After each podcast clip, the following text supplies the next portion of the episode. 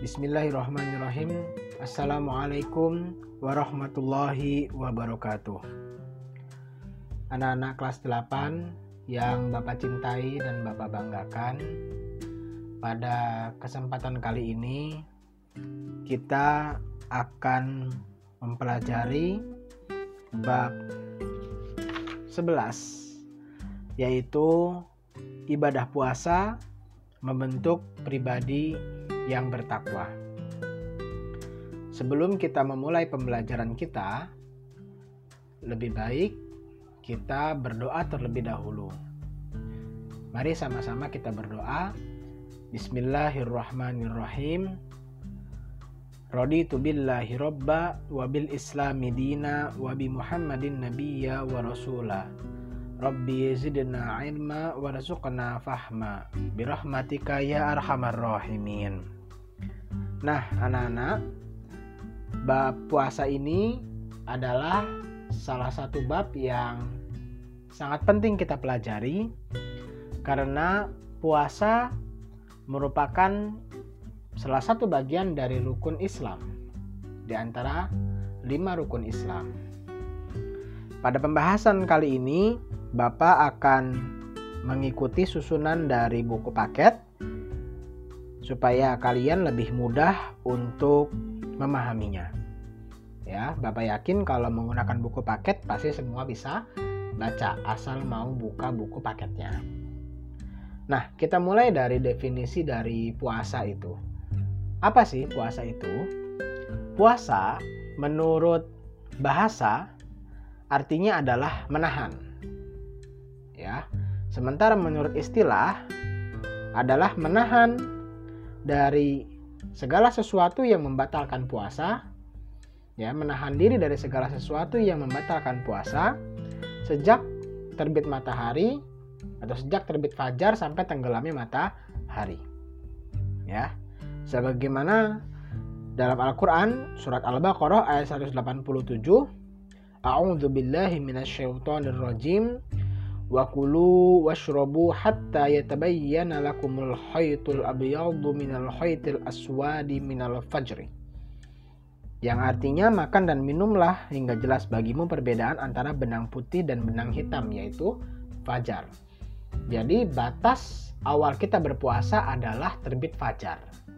Nah, terbit fajar ini bukan terbit matahari yang uh, sinarnya terang ya. Terbit fajar itu lebih tepatnya diartikan sebagai waktu subuh. Makanya ketika terdengar azan subuh itu sudah harus berhenti dari makan dan minum. Dan tidak boleh uh, kita makan dan minum lagi. Kalau sudah terbit fajar dan sudah ada azan subuh kita masih makan dan minum maka puasa di hari itu kita menjadi batal ya Nah, sampai kapan? Sampai terbenamnya matahari. Mudahnya ya sampai azan maghrib karena azan maghrib itu terletak ketika matahari terbenam. Nah, dalil nakli atau ayat Al-Quran yang menyatakan dengan tegas kewajiban berpuasa dalam hal ini adalah puasa Ramadan terdapat dalam Al-Quran Surat Al-Baqarah ayat 183. A'udzu billahi minasyaitonir rajim. يا أيها الذين آمنوا كتب عليكم الصيام كما كتب على الذين من قبلكم لعلكم تتقون Yang artinya wahai orang-orang yang beriman Diwajibkan atas kamu berpuasa sebagaimana diwajibkan atas orang sebelum kamu agar kamu bertakwa. Jadi sudah jelas dalam ayat ini puasa yaitu maksudnya di sini puasa Ramadan diwajibkan bagi kita dengan tujuan mendidik diri kita supaya bisa bertakwa kepada Allah. Apa makna bertakwa di sini? Bertakwa artinya adalah menjalankan segala perintah Allah dan menjauhi segala larangan-larangannya. Mengapa harus puasa? Karena ketika kita berpuasa, kita menahan makan, menahan minum, menahan diri dari segala hal yang membatalkan puasa dari sejak terbit fajar sampai terbenamnya matahari ikhlas lillahi ta'ala tanpa ada orang yang mengetahui. Jadi puasa itu termasuk ibadah yang rahasia sebetulnya. Ya, orang bisa saja mengaku-ngaku saya sedang puasa, saya sedang puasa padahal dia diam-diam makan, diam-diam minum. Ya. Jadi puasa itu benar-benar ibadah yang rahasia antara dirinya dan Allah saja yang tahu. Ya, orang lain bisa dibohongin. Ya kalau sholat orang lain bisa lihat. Ya, sedekah orang lain bisa melihat. Tapi kalau puasa orang lain nggak bisa lihat. Yang tahu benar-benar kalau dia sedang berpuasa atau tidak hanya dirinya dan Allah. Makanya ketika berpuasa kita benar-benar diuji ketakwaannya. Orang yang lulus dalam ujian puasa maka dapat dikatakan sebagai orang yang bertakwa. Nah, anak-anak, kita mengenal ada dua jenis puasa yang eh, sebagai garis besar ya. Yang pertama adalah puasa wajib yang kedua adalah puasa sunnah. Nah, dari segi hukum saja namanya sudah beda. Kalau wajib berarti dia wajib dilaksanakan, kalau tidak dilaksanakan berarti berdosa. Ya, tapi kalau sunnah dia dianjurkan untuk dilaksanakan, tetapi kalau tidak dilaksanakan maka tidak menjadi dosa, ya, tidak apa-apa. Tapi puasa sunnah itu sangat dianjurkan kita lakukan supaya menambah pahala kita di sisi Allah. Pada podcast kali ini, Bapak akan membahas terlebih dahulu puasa wajib. Jadi Bapak akan pisah antara puasa wajib dengan puasa sunnah pembahasannya supaya tidak terlalu panjang. Ya. Nah, kebetulan bentar lagi kita mau bulan suci Ramadan. Nah, kita bahas dulu yang pertama adalah puasa Ramadan. Nah, puasa Ramadan adalah puasa yang dilaksanakan di bulan Ramadan yang merupakan rukun Islam. Ya. Dan puasa ini mulai di, mulai diperintahkan pada tahun kedua Hijriyah setelah Nabi Muhammad Wasallam hijrah ke Madinah. Nah, hukumnya adalah fardu ain. Artinya wajib bagi setiap orang, laki-laki, perempuan yang telah memenuhi syaratnya. Nah, apa saja syarat wajib berpuasa? Ya, ingat pelajaran-pelajaran yang lalu ketika dikatakan syarat wajib, maksudnya adalah syarat-syarat atau ketentuan-ketentuan yang menyebabkan seseorang wajib melaksanakan sesuatu. Jadi ketika dikatakan syarat wajib puasa, kalau syarat-syarat ini terpenuhi, maka seseorang wajib untuk berpuasa. Ya, apa syaratnya? Yang pertama adalah berakal, yang kedua adalah balik, nah yang ketiga adalah mampu berpuasa. Ya kalau syarat Islam sudah pasti ya. Ya yang non muslim tidak wajib berpuasa. Makanya di sini di dalam buku hanya disebutkan berakal, balik dan mampu berpuasa. Berakal mananya apa? Orang gila, ya, orang dengan gangguan jiwa tidak wajib berpuasa, ya. Sampai dia akalnya kembali sehat. Ya. Kemudian balik, berarti anak kecil tidak wajib berpuasa, tapi anak kecil wajib untuk dididik. Ya, diajarkan puasa ya boleh puasa setengah hari ya seperempat atau mungkin puasanya sampai sore ya. Lebih bagus nanti perlahan-lahan diajarkan puasa sampai full sampai maghrib ya. Dan ini dalam rangka mendidik saja. Jadi tidak boleh terlalu keras ya. Anak kecil belum balik tapi sudah disuruh puasa full ya. Pelan-pelan pelan-pelan saja ya. Kalau kalian punya adik di rumah yang memang usianya belum balik ajarkan puasa pelan-pelan ya. Toh kalau memang dia batal di tengah jalan pun memang pada dasarnya dia belum diwajibkan. Ya, tidak seperti orang yang sudah dewasa atau sudah balik. Yang ketiga adalah dia mampu berpuasa. Nah, nanti ada kriteria-kriteria orang yang tidak mampu berpuasa. Ya, sedikit Bapak bocorkan di sini. Yang pertama misalnya orang yang sudah sangat tua sehingga dia sudah tidak mampu lagi kalau berpuasa. Nah, nanti ada penggantinya. Ya, atau orang yang sakit yang kalau dia puasa sakitnya itu akan bertambah parah atau akan mengancam jiwanya ya nah kemudian macam-macam nanti ada ada lagi yang uh, golongan orang-orang yang tidak mampu berpuasa dan boleh mengganti ya dan juga ada ketentuan penggantiannya Oke, itu udah syarat wajib puasa. Nah, apabila kita memenuhi poin-poin tersebut, maka berarti kita wajib untuk berpuasa. Dan kalau meninggalkan puasa, maka kita berdosa. Ya. Tetapi kalau tidak memenuhi salah satu di antara kriteria itu kemudian meninggalkan ibadah puasa Ramadan, maka tidak berdosa, ya. Kita lanjutkan syarat sahnya puasa. Nah, syarat sah puasa antara lain satu beragama Islam. Sudah jelas. Bapak nggak mau nggak perlu menjelaskan lagi ya, eh, Bapak kira gitu. Yang kedua mumayyiz. Apa itu mumayyiz? Mumayyiz itu sudah dapat membedakan mana yang baik dan mana yang buruk. Namanya mumayyiz. Pak, apa kriteria mumayyiz? Kriteria mumayyiz menurut pendapat para ulama ya di antara contohnya adalah ketika seorang anak diberikan uang, kemudian pergi ke warung, lalu dia membeli sesuatu, kemudian dia kembali dengan uang yang e, jumlahnya memang sesuai dengan apa yang dia beli. Ya katakanlah disuruh beli telur ke warung, telur beli telur seperapat, harganya 5000 ya dikasih uang 10 ribu. Nah dia akan kembali dengan telur seperapat dan uang kembalian 5 ribu. Ketika dia bisa melakukan transaksi seperti itu maka dia dikatakan sebagai mumayyiz. Ya tapi kalau dia diberikan uh, transaksi seperti itu dia belum bisa melaksanakan maka itu belum memasuki usia mumayyiz.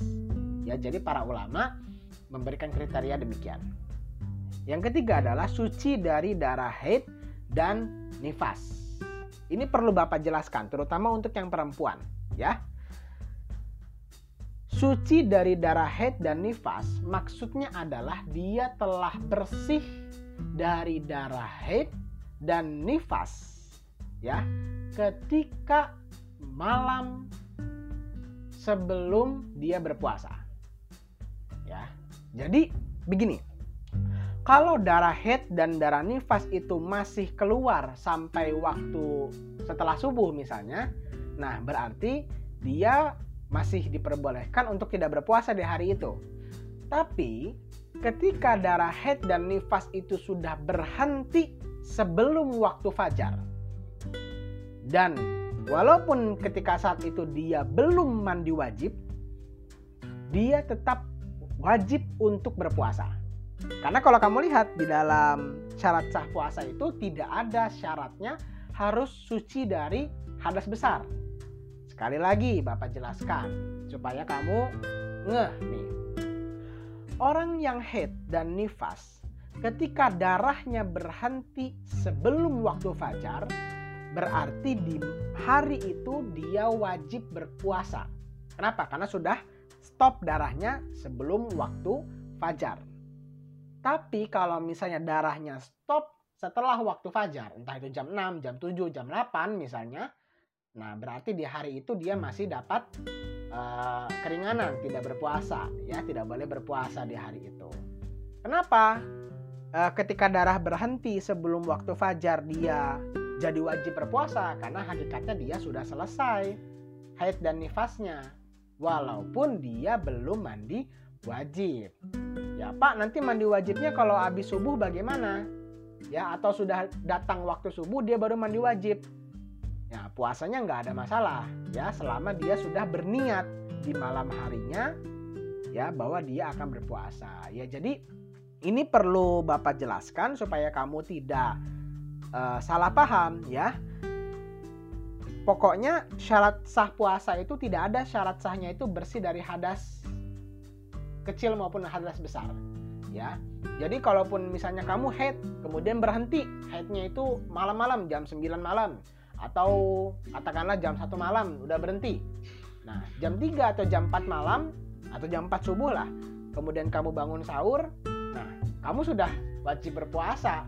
Keesokan apa uh, setelah nanti nih uh, habis fajar itu nah kamu sudah harus wajib puasa walaupun nanti mandinya ketika fajar datang atau ketika waktu subuh ya. Kamu belum mandi nih jam 4 ya nggak masalah nggak masalah ya. Nah seperti itu. Jadi uh, perlu hati-hati perlu hati-hati. Kalau darahnya sudah berhenti pada malam hari maka uh, dia harus wajib berpuasa besoknya ya. Begitupun sama. Misalnya nih yang laki-laki um, katakanlah dia mimpi basah malam harinya kemudian belum mandi sampai waktu fajar. Apakah boleh dia berpuasa? Jawabannya boleh. Ya, boleh dia berpuasa selama dia sudah niat di malam harinya. Kenapa? Karena puasa tadi tidak mensyaratkan suci dari hadas kecil maupun hadas besar.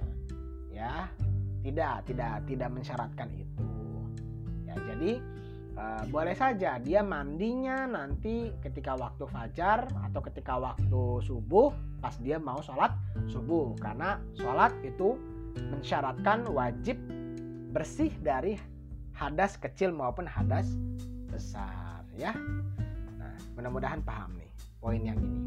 Nanti kalau misalnya masih belum paham Pak, silakan bertanya kepada Bapak ya. Dan yang keempat adalah dalam waktu yang diperbolehkan untuk berpuasa. Nanti ada waktu-waktu yang dilarang untuk berpuasa. Kapan saja? Yang pertama adalah ketika hari raya Idul Fitri. Yang kedua adalah hari raya Idul Adha. Yang ketiga adalah hari raya Tashrik. Ya, nggak pakai raya sih, hari Tashrik.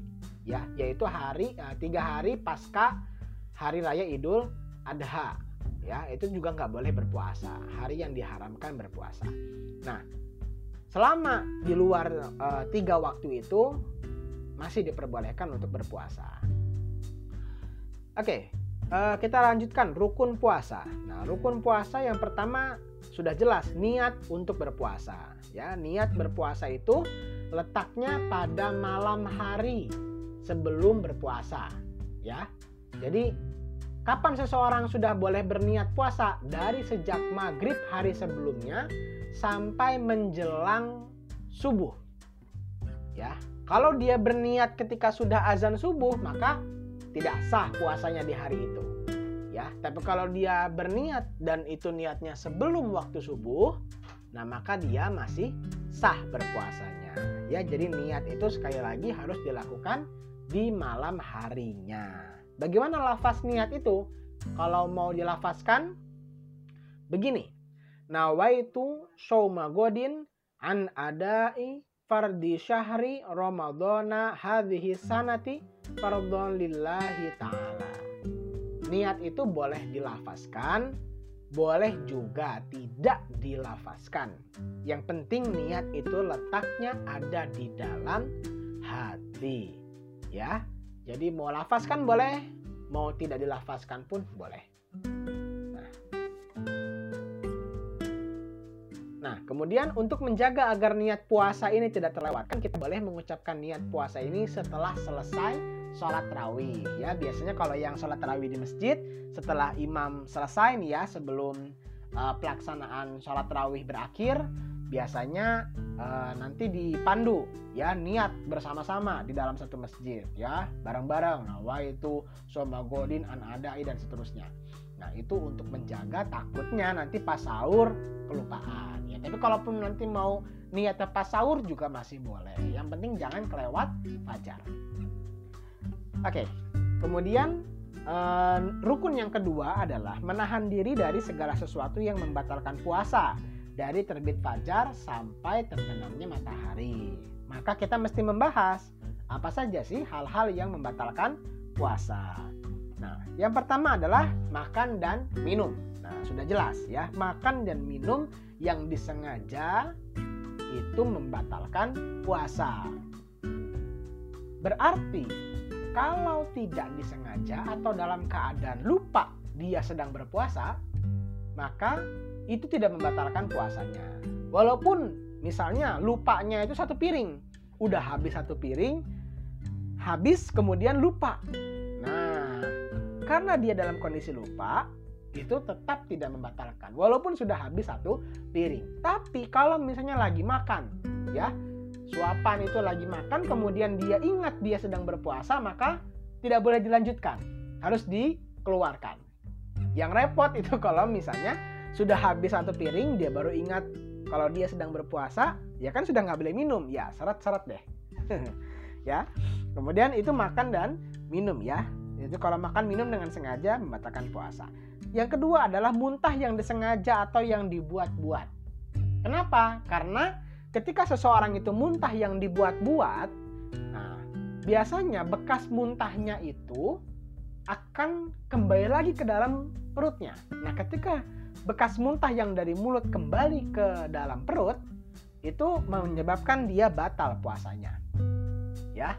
Begitupun orang yang tidak sengaja muntah, walaupun dia tidak sengaja, tetapi dia harus membersihkan mulutnya ketika dia selesai muntah. Kenapa? Karena kalaupun dia tidak disengaja muntahnya, tetapi muntahnya itu ditelan kembali, tetap batal. Ya, jadi kalaupun memang satu saat kamu tidak sengaja muntah ketika sedang berpuasa, cepat-cepat dibersihin mulutnya supaya tidak ada bekas muntah yang tertelan. Yang ketiga adalah berhubungan suami istri. Orang yang berhubungan suami istri pada siang hari di bulan Ramadan dapat membatalkan puasanya. Dan ia wajib mengganti puasanya itu serta harus membayar kifarot atau denda. Ada tiga macam kifarot. Yang pertama adalah memerdekakan budak. Zaman sekarang udah nggak ada budak. Jadi yang pertama ini udah nggak bisa kita lakukan. Yang kedua, kalau dia tidak sanggup maka dia wajib berpuasa dua bulan berturut-turut tidak boleh putus. Putus sehari dia harus mengulang lagi dari nol. Ya. Sudah puasa nih satu bulan setengah, eh tiba-tiba putus di tengah jalan, dia batal, maka harus mengulang lagi dari hitungan nol. Itu dendanya sangat berat. Kemudian kalau tidak kuat lagi, maka dia bersedekah dengan memberikan makanan yang menyenangkan maaf, makanan yang mengenyangkan ya kepada 60 pakir miskin dan tiap-tiap orang mendapatkan 3 per 4 liter beras atau yang setara. Ya, jadi nanti kalau sudah menikah, hati-hati ya. Jangan berhubungan suami istri di siang hari bulan Ramadan dalam keadaan berpuasa ya. Karena bisa membatalkan dan dendanya cukup berat.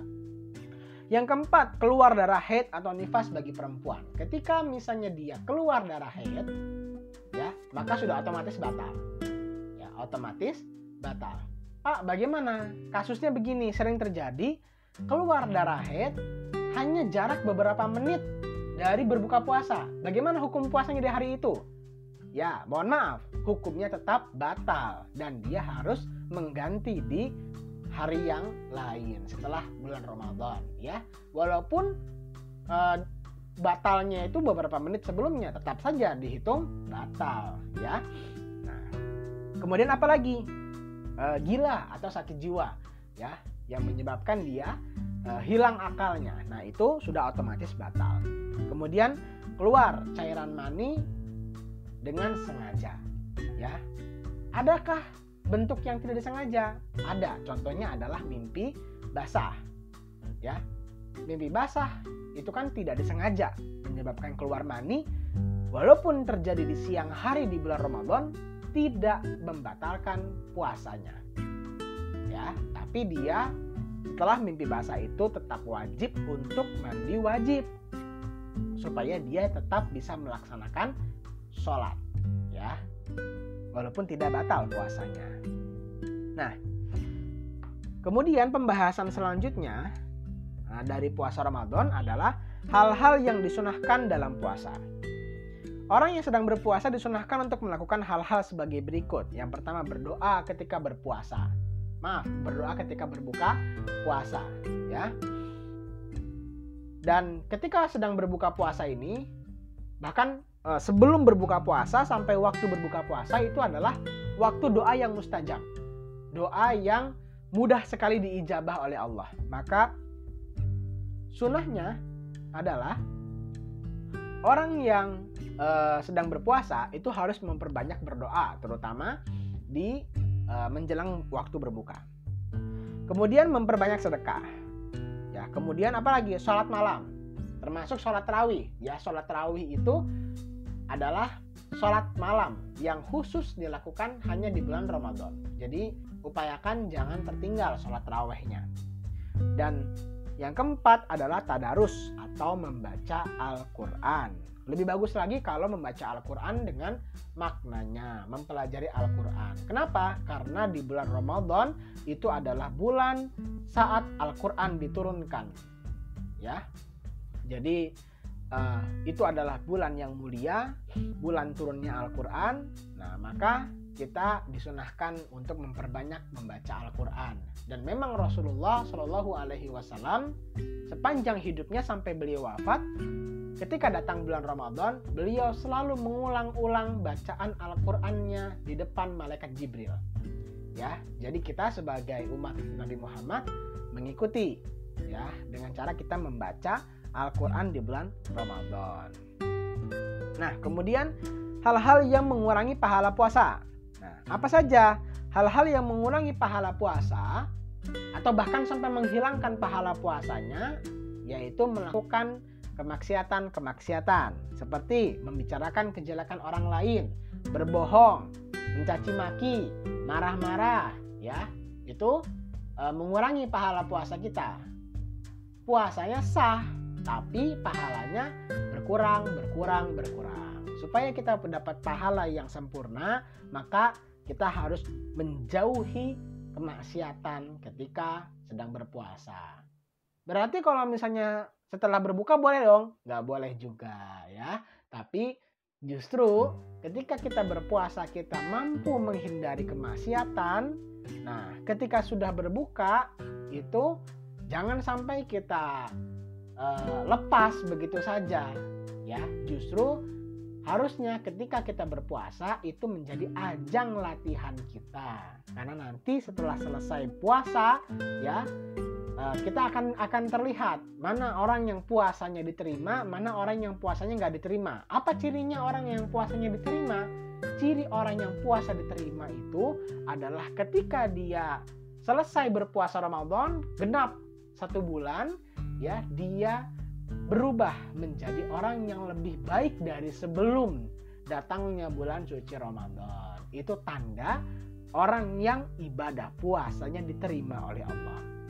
Nah, kemudian eh, ketentuan yang ada ketika berpuasa Ramadan adalah adanya orang-orang yang boleh berbuka puasa di siang hari di bulan Ramadan.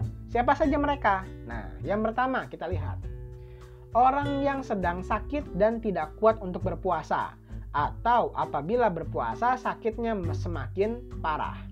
Nah, maka dia boleh berbuka. Nah, artinya boleh dia membatalkan puasanya. Nah, namun ia harus menggantinya di hari lain apabila sudah sembuh nanti. Istilah lainnya adalah puasa kodo. Kemudian orang yang sedang dalam perjalanan jauh, musafir, ya. Sejauh apa Pak? Nah sejauh uh, beberapa ulama mengatakan sejauh jarak yang diperbolehkan untuk mengkosor yaitu 80 80, eh, sekian kilometer ya uh, hampir 81 kilometer. Ada juga yang berpendapat bahwa perjalanan jauhnya itu sampai dia ditakutkan merasa lelah atau merasa uh, tidak kuat sehingga dia boleh membatalkan ya. Um, ada juga yang begini ya misalnya kamu berangkat dari Jakarta berangkat ke Medan, ya hanya satu jam perjalanannya, nggak capek, nggak lelah, termasuk boleh nggak membatalkan puasa. Nah, ini kan menjadi persoalan tersendiri, ya tapi e, bapak lebih menyarankan ya kalau memang mau mau buka puasa ya secara fikih sah-sah saja gitu ya secara hukum Islam ya sah-sah saja tapi e, kalau memang masih kuat ya tentu sayang juga kalau dibatalkan begitu ya. Nanti kamu harus mengkodok di luar bulan Ramadan. Ya sayang juga kalau memang masih mampu uh, tidak perlu buka puasa nggak apa-apa. Tapi kalau seandainya sudah nggak mampu maka sudah mencukupi syarat untuk berbuka puasa di tengah hari. Yang selanjutnya adalah orang tua yang sudah lemah sehingga tidak kuat lagi untuk berpuasa. Ia wajib membayar fidyah yaitu bersedekah tiap hari tiap hari yang ditinggalkan ya itu 3 per 4 liter beras atau yang sama dengan itu kepada fakir miskin. Kalau memang dia meninggalkan 30 hari atau 29 hari maka dia harus menghitung 3 per 4 liter beras dikalikan 30 hari atau dikalikan 29 hari ya nah sejumlah itulah fidyahnya kemudian orang yang sedang hamil dan menyusui anak kedua perempuan ini atau kedua jenis perempuan yang uh, mendapatkan keringanan ini kalau khawatir akan mendatangkan mudorot kepada dirinya sendiri atau berserta anaknya, nah maka wajib mengkodo puasanya sebagaimana orang yang sedang sakit. Kalau hanya khawatir menimbulkan mudarat bagi anaknya saja. Ya, jadi uh, perbedaannya di sini. Ada yang bisa mendatangkan mudorot atau mendatangkan bahaya bagi dirinya dan anaknya, dia wajib kodo saja. Tapi kalau misalnya mendatangkan mudorot bagi anaknya saja, dirinya nggak apa-apa, tapi anaknya yang boleh jadi nanti kenapa-kenapa, maka dia wajib mengkodo puasa plus membayar fidyah kepada fakir miskin. Kok beda apa hukumnya? Nah, kenapa terjadi perbedaan di situ? Terjadi perbedaannya karena dia membatalkan puasa tersebab sesuatu hal yang lain. Tapi hal yang lain terikat pada dirinya yaitu si anaknya itu. Ya, kalau misalnya tadi yang ketentuan pertama menyebabkan berbahaya untuk dirinya dan anaknya, maka dia cukup kodok saja. Sebab ada unsur dirinya sendiri. Ya. Tapi kalau misalnya tadi unsurnya yang lain di luar dirinya tetapi berkaitan dengan dirinya yaitu si anaknya itu maka dia mesti kodo plus dia bayar fidyah. Jadi uh, double ya double. Nah uh, yang perlu bapak jelaskan di sini ya terkait yang uh, puasa kodo usahakan kalau punya hutang kodok jangan dibayar melebihi Ramadan tahun berikutnya. Ya, jadi misalnya nih kamu punya hutang puasa Ramadan dari tahun 2020. Jangan sampai melampaui atau melewati Ramadan 2021. Ya, jadi sebelum datang bulan Ramadan tahun ini, kamu harus sudah selesai dulu puasa kodoknya gitu ya kenapa karena nanti kalau terlewat ya kelupaan kemudian eh, datang bulan suci Ramadan kamu masih punya hutang kodo maka kamu harus eh, mendapatkan double ya kamu harus bayar kodo eh, kamu harus membayar puasa kodo plus kamu harus membayar fidyah kenapa ada fidyahnya karena kamu melewati expire ya melewati tanggal expire-nya. Ya tanggal expire-nya kapan? Datangnya bulan suci Ramadan di tahun berikutnya. Makanya mumpung sekarang belum uh, belum bulan Ramadan, segera dibayar ya supaya tidak kelupaan. Oke, itu adalah pembahasan puasa wajib Ramadan ya. Nanti ada pembahasan puasa nazar, ada pembahasan puasa kodo dan puasa kifarat ya. Bapak jelaskan secara singkat saja. Puasa nazar adalah puasa yang dilakukan karena mempunyai nazar atau janji kebaikan yang pernah diucapkan. Puasa ini wajib dilaksanakan ketika keinginannya atau cita-citanya terpenuhi. Contoh misalnya, kalau saya mau masuk ke SMA favorit, ya, keinginan saya katakanlah mau masuk SMA 34 misalnya. Kalau saya bisa masuk SMA 34, saya mau puasa tiga hari berturut-turut Ketika saya akhirnya bisa masuk ke SMA 34, maka saya wajib membayar puasa tiga hari itu. Nah, itu disebut dengan puasa nazar. Ya, kenapa ada puasa nazar ini? Ya, puasa nazar ini bentuk komitmen kita kepada janji kita kepada Allah. Ya, jadi eh, ketika bernazar, hakikatnya kita sedang berjanji kepada Allah ya sedang bermohon kemudian berjanji kalau misalnya saya lolos atau saya punya cita-cita yang terkabul maka saya e, mau berpuasa sekian hari nah itu puasanya menjadi wajib namanya puasa nazar. Sebagaimana dalam Al-Qur'an surat Al-Insan ayat 7 A'udzu billahi minasyaitonir rajim. Yufuna bin nadri wa yakhafuna yawman kana syarruhu mustatira. Artinya mereka memenuhi nazar dan takut akan suatu hari yang azabnya merata di mana-mana. Jadi orang beriman mestilah memenuhi nazarnya. Kalau nazarnya dalam bentuk puasa maka dia wajib berpuasa sehingga puasa nazar itu menjadi puasa wajib bagi dirinya, ya. Itu tentang puasa nazar. Kemudian puasa kodo. Nah, Bapak sudah pernah sudah jelaskan tadi puasa kodo, ya yaitu puasa yang diniatkan untuk mengganti kewajiban puasa yang sudah lewat waktunya. Seperti tadi misalnya karena haid atau karena sakit atau karena menjadi musafir ya. Lalu dia uh, tidak puasa, maka dia harus mengganti puasanya di luar bulan Ramadan. Namanya puasa kodo. Ya ketentuannya tadi sudah Bapak jelaskan juga batas waktu untuk mengkodo puasanya adalah sampai datang bulan puasa berikutnya. Apabila tidak dilakukan ia wajib mengkodo serta membayar fidyah. Nah, terakhir pembahasan terakhir dalam puasa eh, dalam puasa wajib ini adalah puasa kifarot. Apa tuh puasa kifarot? Puasa kifarot adalah puasa yang wajib dikerjakan karena melanggar suatu aturan yang telah ditentukan. Puasa kifarat wajib dilaksanakan apabila terjadi hal-hal berikut ini. Yang pertama, tidak mampu memenuhi nazar. Ya, nazar merupakan janji yang wajib dipenuhi seseorang. Namun kadangkala seorang tidak sanggup memenuhi janji tersebut karena adanya halangan. Contoh, seorang berjanji jika sembuh dari sakit ia akan melaksanakan umroh. Apabila sakit yang dideritanya tidak uh, sudah sembuh, maka dia wajib melaksanakan umroh. Namun saat itu dia belum punya ongkos untuk pergi umroh maka dia boleh menggantinya dengan membayar fidyah kepada 10 orang miskin dan kalau tidak mampu bayar fidyah maka dia wajib berpuasa selama tiga hari dan hukum berpuasa selama tiga harinya itu dinamakan puasa kifarot. Yang kedua adalah berhubungan suami istri pada siang hari di bulan Ramadan seperti mana Bapak sudah jelaskan tadi.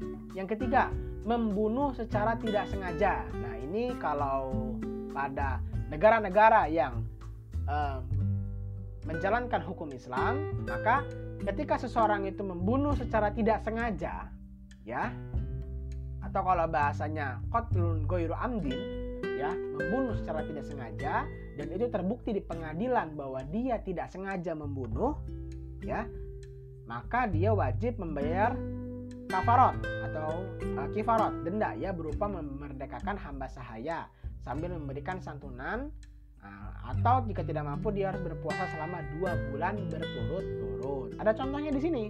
Contohnya seorang pengemudi sudah berhati-hati saat mengendarai mobil, tapi tiba-tiba ada seorang yang menyeberang jalan dan tertabrak sehingga penyeberang itu nggak tertolong. Nah maka di sini eh, penabrak dihukumi membunuh secara tidak sengaja, ya. Nah yang kemudian adalah melakukan zihar kepada istrinya menyamakan istri dengan ibunya. Nah, zihar ini menarik anak-anak. Zihar itu tidak dikenal dalam budaya orang Indonesia. Jadi zihar itu hanya dikenal di budayanya orang-orang Arab. Jadi orang Arab ketika dia mengatakan punggung kamu seperti punggung ibuku, maka itu namanya zihar. Ya, karena zihar itu uh, artinya sebetulnya arti makna zihar itu adalah punggung ya. Jadi dia menyamakan istrinya seperti ibunya. Nah, kata-kata itu dalam konteks budaya Arab itu sama dengan dia mengharamkan istrinya. Ya berhubungan badan dengan dia. Sebagaimana dia haram berhubungan badan dengan ibunya. Ya dia menganggap bahwa istrinya adalah mahram. Ya dan itu sebetulnya adalah um, kalau ditindaklanjuti bisa masuk ke dalam uh, tindakan perceraian. Ya itu. Nah jadi um, itu ada dalam konteks budaya Arab tetapi kalau dalam budaya kita nggak seperti itu ya budaya kita justru malah kadangkala nih saking merasa harunya ya merasa sangat mencintai istrinya dia suka menyamakan aduh istriku ini seperti ibuku ya jago masak, kemudian bisa merawat suami dengan baik dan seterusnya dan seterusnya. Ya, jadi menyamakan istri dengan ibu di dalam konteks budaya orang Indonesia itu bentuk pujian, ya. Tapi kalau di dalam budaya Arab itu itu sudah mengarah kepada perceraian. Orang yang menzihar istrinya, ya, itu uh, kalau dia tidak membatalkan ziharnya itu bisa jatuh talak atau jatuh jatuh cerai. Tapi kalau misalnya uh, dia mau membatalkan, katakanlah dia tidak tidak sengaja melakukan zihar itu, maka dia harus membayar puasa kifarot, yaitu berpuasa selama dua bulan berturut-turut untuk membatalkan si ziharnya itu.